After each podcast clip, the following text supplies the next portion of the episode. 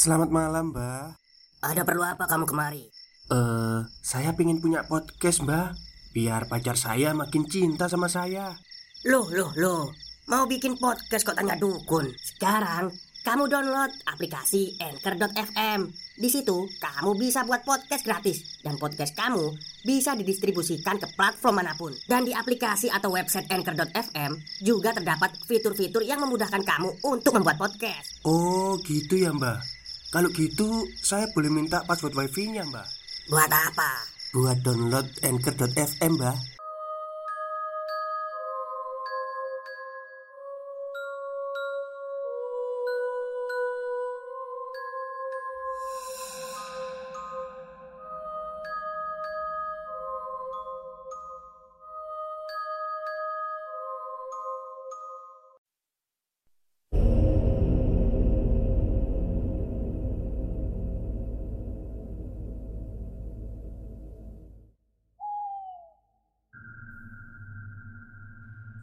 Assalamualaikum warahmatullahi wabarakatuh. Halo semuanya Jumpa lagi dengan saya Chow Sing Sing Kurator dari podcast Horror Night Story. Halo Apa kabar semuanya? Semoga kalian semua baik-baik saja ya.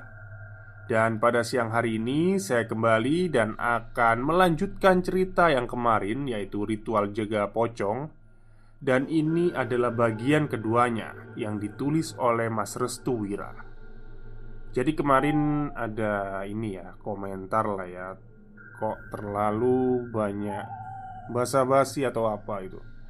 Sebenarnya saya ini cerita mengikuti naskah ya. Jadi ya memang namanya cerita horor kan nggak ada yang langsung ke intinya, ada yang ya kita ini dulu lah membangun klimaks dulu kayak gitu kan. Nggak bisa lah langsung kayak gitu.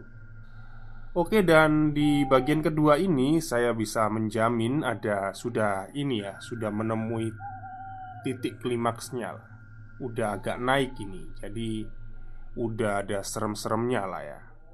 Oke daripada kita berlama-lama Mari kita simak ceritanya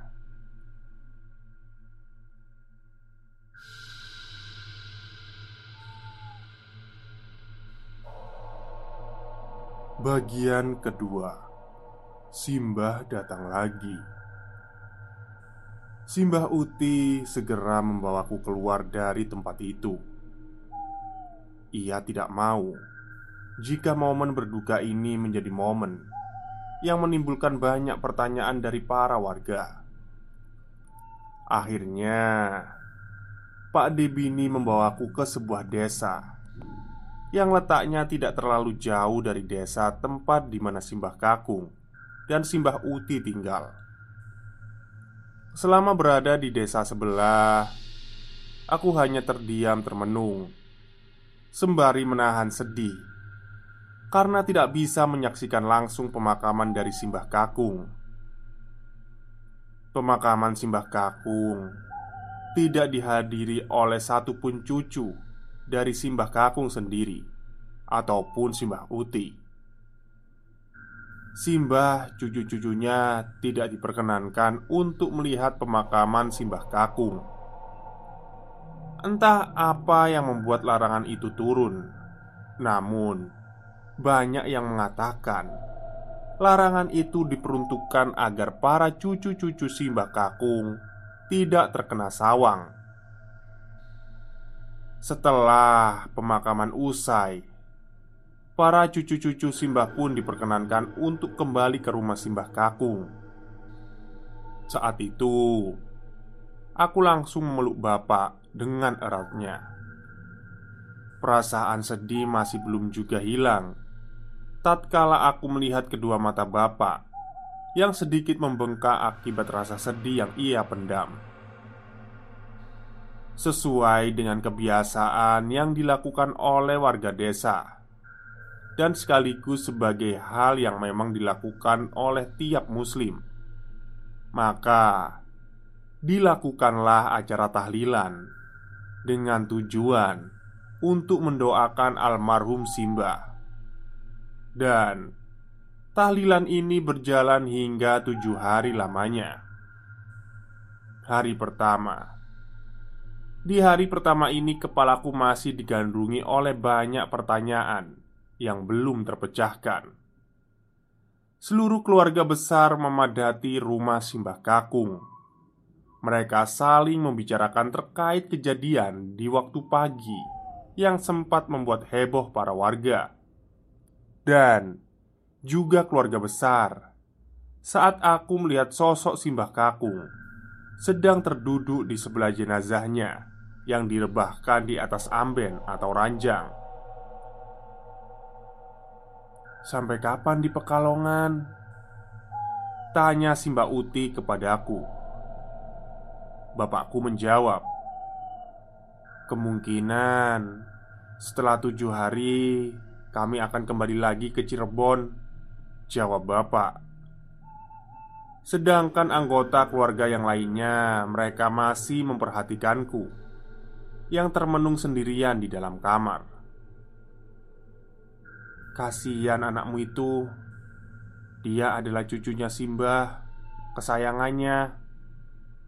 Kalau saja sebelum meninggal Simbah Kakung bisa bertemu dengan anakmu, pasti kita tidak akan melarang anakmu untuk masuk ke dalam rumah tadi. Jelas Simbah Uti. Sembari mengusap air matanya Yang perlahan berjatuhan di kain tapihnya. Bapak terdiam. Ternyata ada alasan tersendiri. Mengapa anaknya tidak boleh masuk saat pagi tadi? Memangnya apa alasannya? Simbah Uti menatap ke yang lain Ingin rasanya ia menjawab, namun ada ketakutan dalam dirinya sendiri untuk bisa mengungkapkan hal itu. "Ada apa, toh, Bu?" tanya bapak kepada Simbah Uti. "Anakmu adalah cucu kesayangannya. Kau lihat kan barusan di umur yang masih kecil saja." Dia mampu melihat perbedaan yang tidak bisa kita lihat. Jelas Simbah Uti. Tetapi jika anakku adalah cucu kesayangannya, seharusnya ibu mau mempertemukannya dengan bapak di hari kematian. Ucap bapak dengan nada sedikit kencang. Tidak bisa. Simbah Uti mulai menekan nadanya suasana menjadi kurang kondusif. Tatkala Simbah Uti mulai menekan suaranya dan menampakkan raut wajah yang kurang mengenakan di hadapan para anggota keluarga. Tidak bisa, dia adalah cucu kesayangannya. Pastinya hal ini membuat Simbah Kakung tidak tenang karena hal itu. Ucap Simbah Uti tapi bu, kata bapak Ku bilang tidak ya tidak. Bersamaan dengan itu aku pun keluar dari kamar. Aku melihat bapak sedang dimaki oleh Simbah Uti Bapak, bapak kenapa?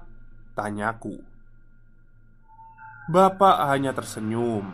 Ia kemudian bangkit dari duduknya dan menuju ke arahku.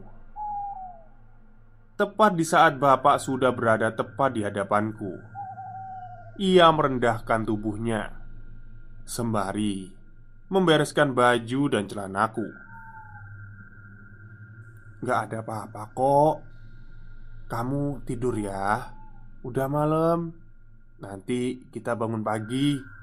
Terus lihat sawahnya Simbah Kakung. Ucap bapak Simbah Uti kembali meneteskan air matanya. Iya, masih teringat janji Simbah Kakung yang belum terpenuhi semasa hidupnya terhadap salah satu cucu kesayangannya itu. Selepas bapak mengantarku ke dalam kamar, ia kemudian keluar lagi dan berencana untuk ngobrol lagi sama Simbah Uti dan yang lain.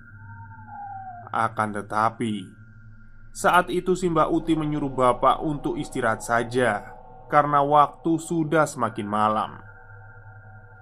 Belum lagi Simba juga merasa lelah Karena harus menghadapi banyak warga yang berkunjung Untuk melakukan takziah di tempatnya. Hari kedua Di hari kedua bapak mengajakku untuk bermain ke sawah milik Simbah Kakung namun, aku menolaknya dengan halus. Aku rasa jika pergi ke sana bukan dengan orang yang tepat, suasana akan menjadi berbeda. Alhasil, bapak pun memintaku untuk diam diri di dalam rumah dan bermain di sekitarannya. Sebenarnya bapak tidak ingin jika aku terlalu berlarut-larut dalam kesedihan. Aku mencoba untuk menghiburku dengan membelikan makanan dan mainan. Namun semuanya tidak berdampak kepadaku. Setiap waktunya aku selalu memandangi langit sembari mengingat perkataan dari Simbah Kakung. Aku ingat betul saat Simbah Kakung mengatakan, "Jika langit di Pekalongan sangatlah indah, belum lagi kondisi desa yang masih minim akan kendaraan, membuat udara di desa menjadi sangat sejuk." Gimana? Langitnya masih sama kan? Tanya bapak sembari mengusap rambutku Tapi ada yang beda Beda kenapa? Biasanya kalau pagi aku natap langit bareng Simba Tapi sekarang aku natap langitnya sendirian. Bapak tersenyum. Hatiku yang lembut ini bagaimana mungkin Bisa cepat ikhlas untuk melepaskan orang yang aku sayangi? Jujur saja Aku belum bisa melupakan kenangan yang diberikan oleh Simbah Kakung. Dari sekian banyaknya keluarga, Simbah Kakung adalah orang yang paling berkesan dalam hidupku. Bapak sebisa mungkin untuk menenangkanku agar semua kesedihanku biar dia saja yang merasakan. Namun, ini adalah jalan kehidupan yang setiap orang lalui. Tidak semua yang diinginkan oleh manusia mampu dirasakan juga oleh manusia lainnya. Kadar kehidupan memiliki porsinya masing-masing. Bapak memang mampu untuk menanggung semua kesedihannya. Namun, ia sendiri belum mampu untuk menanggung rasa sedih yang aku rasakan. Nak, hidup itu terus berjalan. Yang hidup akan menemui kematian, lalu akan lahir bayi-bayi yang menjadi regenerasi kita semua. Kita nanti juga merasakannya. Ada waktu tersendiri untuk kita agar bisa merasakan seperti apa yang dirasakan oleh Simbah Kakung. Jelas bapak. Bapak menyudahi pembicaraannya. Ia kemudian menyuruhku untuk masuk ke dalam dan beristirahat di kamar. Bapak tidak mau. Gara-gara aku terlalu memikirkan hal-hal yang memberatkan Tubuhku nantinya jadi sakit. Lebih baik bapak memintaku untuk istirahat saja Agar mampu membuang secara perlahan beban kesedihan itu. Sore harinya, saat aku ingin mandi, bapak mengantarkanku ke bagian belakang rumah. Kebetulan, rumah milik Simbah Kakung dan juga Simbah Uti ini dikelilingi oleh pepohonan, termasuk di bagian belakang rumah yang penuh dengan pepohonan pisang. Dan Tempat favoritku untuk mandi biasanya ada di kendi yang biasa digunakan juga oleh Simba untuk mandi. Alasannya sederhana.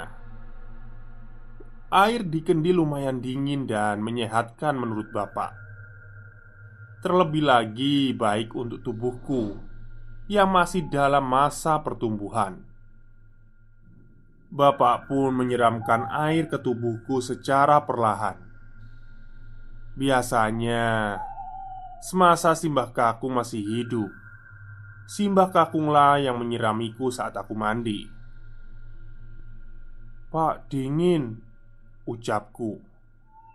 Aku mengucek kedua mataku karena air yang disiramkan oleh bapak terkena bagian mataku.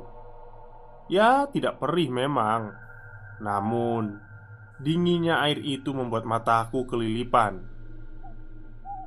Perlahan aku menatap ke arah pepohonan pisang Sembari mengucek-ucek kedua mataku Yang masih meneteskan air bekas siraman bapak. Tiba-tiba Pandanganku terarah kepada dua pohon pisang Yang mana di tengah-tengahnya Telah berdiri bayangan putih yang bercampur kecoklatan Di beberapa bagian putihnya tidak lama kemudian, bayangan putih itu menggoyang-goyangkan kepala dan juga badannya, sembari membunyikan sesuatu. Kluk, kluk, kluk, kluk. Aku masih belum paham siapa sosok bayangan putih itu. Aku sendiri tidak memiliki pandangan aneh terkait dari sosok putih yang sedang bergoyang-goyang itu. Namun, saat suara itu makin jelas di telingaku, aku pun langsung menarik baju bapak. Ada sesuatu yang salah dengan sosok bayangan putih yang sedang menggerak-gerakkan badannya itu, juga kepalanya. Pak, itu siapa? Tanyaku sembari menunjukkan jari telunjuk ke arah sosok bayangan putih itu. Siapa? Siapa apanya? Di mana? Tanya bapak sembari memperhatikan arahan dari telunjukku Itu pak, di dekat pohon pisang itu Bapak yang kebetulan tahu terkait sosok itu Ia pun segera menyuruhku untuk segera mandi dan menyudahinya Dengan cepat dia menarikku untuk masuk ke dalam rumah. Aku belum mengerti apa yang baru saja aku lihat dan bapak barusan lihat. Tetapi saat aku menanyakan hal ini kepada bapak, bapak tidak pernah menjawabnya. Ia lebih memilih untuk diam dan melupakan hal itu. Bapak memilih untuk tidak mengambil resiko terkait apa yang baru saja terjadi. Semenjak hari itu bapak memintaku untuk mandi ke tempat lainnya Seperti ke tempat bude yang jaraknya tidak terlalu jauh dari rumah Simbah Kakung. Hari ketiga. Sudah memasuki hari ketiga di mana Simbah Kakung dikuburkan ke liang lahat Suasana duka masih belum menghilang Terkadang aku masih melihat Simbah Uti termenung di dalam kamarnya sembari mengusap-ngusap foto Simbah Kakung. Aku mencoba mendekati Simbah Uti dan berusaha untuk menghiburnya. Ternyata yang merasakan kesedihan terbesar bukanlah aku seseorang. Simbah Uti yang merupakan seorang yang menemani Simbah Kakung di saat dia sehat ataupun sakit dia juga merasakan kesedihan yang luar biasa. "Mbah, Mbah masih nangis?" tanyaku. Sembari mendekati Simba yang masih mengusap-usap foto Simba Kakung. Simba Uti yang mendengar hal itu langsung terkejut. Ia pun langsung mengusap air matanya dan mencoba untuk bersikap tenang tatkala aku mendekatinya. Enggak kok, Simba nggak nangis. Kamu udah makan belum? Tanya si Mbak Uti yang sedang mengalihkan topik pembahasannya Aku udah makan kok mbah Aku masuk ke kamar karena tadi nggak sengaja lihat si Mbak Uti lagi ngusapin fotonya si Mbak Kakung Ucapku. Si Mbak Uti tersenyum. Ia tahu. Kepedulianku sudah dilatih sejak dini. Ia sangat bersyukur karena memiliki seorang cucu yang memiliki perhatian dengan keadaannya. Pantas saja Simbah Kakung sayang sama kamu. Hatimu lembut sekali, Nak. Kamu pasti bisa jadi awan seperti apa yang dikatakan oleh Simbah Kakung. Ucap Simbah Uti sembari melebarkan kedua tangannya dan membiarkanku untuk memeluknya. Simbauti jangan nangis lagi ya Iya Simba nggak akan nangis lagi kok. Selesai menenangkan Simbahuti Aku pun pamit untuk keluar. Niatku adalah ingin bermain di luar. Aku sudah mulai mendamaikan diri sendiri agar bisa lebih tenang dan melupakan kesedihan yang masih saja terekam dalam pikiranku. Akhirnya, aku pun melampiaskannya dengan cara bermain dengan anak-anak warga di desa itu. Namun,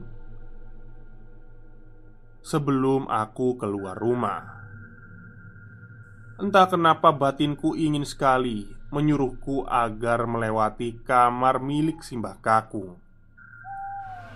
Sewaktu aku mulai melewati kamar Simbah Kakung, aku melihat ada seserahan yang isinya seperti jajanan pasar dan kopi hitam tepat di depan kamar Simbah Kakung. Aku tidak tahu apa maksud dari ini semua? Pikirku ini adalah hal-hal yang lumrah Yang biasa dilakukan oleh orang-orang desa Untuk menghormati orang yang sudah meninggal dunia Sehingga aku tidak memiliki pemikiran Jika hal-hal itu adalah hal-hal yang menimbulkan kekacauan Di dalam rumah itu sendiri Stop, stop kita break sebentar. Jadi gimana? Kalian pengen punya podcast seperti saya? Jangan pakai dukun, pakai Anchor. Download sekarang juga. Gratis. Saat di mana aku melewati kamar itu. Tiba-tiba aku mendengar suara orang batuk dari kamar Simbah Kakung.